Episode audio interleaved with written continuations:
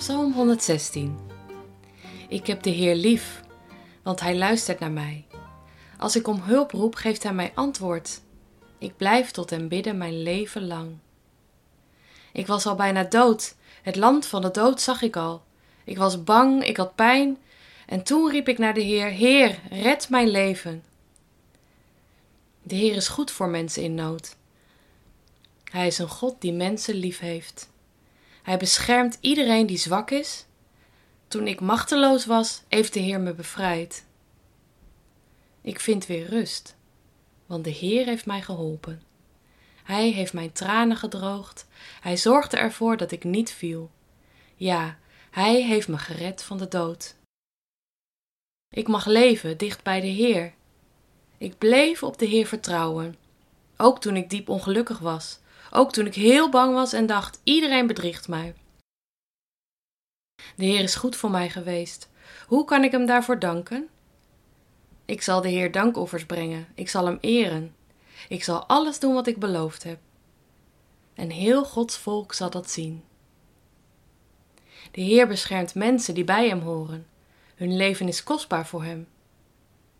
Ik hoor bij de Heer, ik ben zijn dienaar. Hij heeft me bevrijd.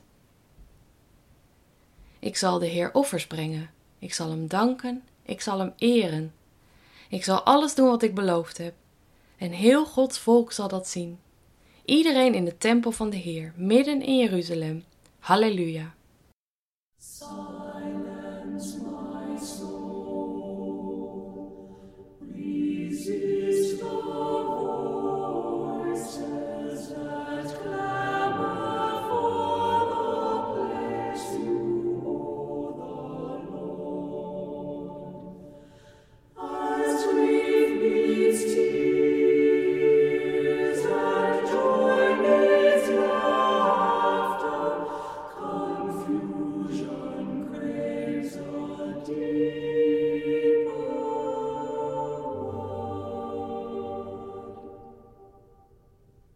Ooit in Israël geweest? Of een ander land met woestijnen of droge vlaktes? Ik was een keer op een zonvakantie in Egypte, waar we ook een dag door de woestijn trokken. Naast een krankzinnige hoeveelheid zwerfafval viel me nog wat anders op. Een droog gebied bestaat niet alleen uit zand, maar vooral uit stenen. Veel stenen, in allerlei soorten en maten. En allemaal dezelfde grijze, lichtbruine kleur. In Israël schijnt dat niet anders te zijn. Dat is wat ze daar een steen des aanstoots noemen. Zelfs op begaanbare wegen is het oppassen geblazen. Voor je het weet, struikel je over een steen of een rotsblok. Het beloofde land is een land bezaaid met stenen en rotsen.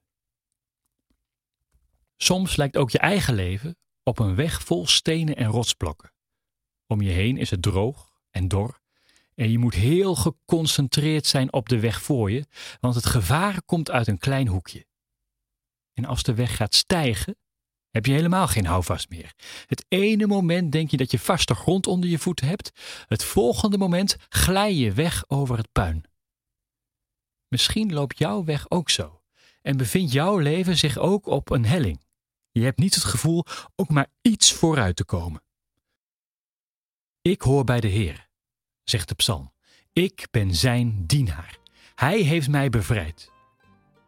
Geloof in God zorgt niet voor een glad geasfalteerd wegdek waar je met 130 overheen raast. Geloven in God maakt je leven vaak niet makkelijker. Maar je gaat je weg niet alleen.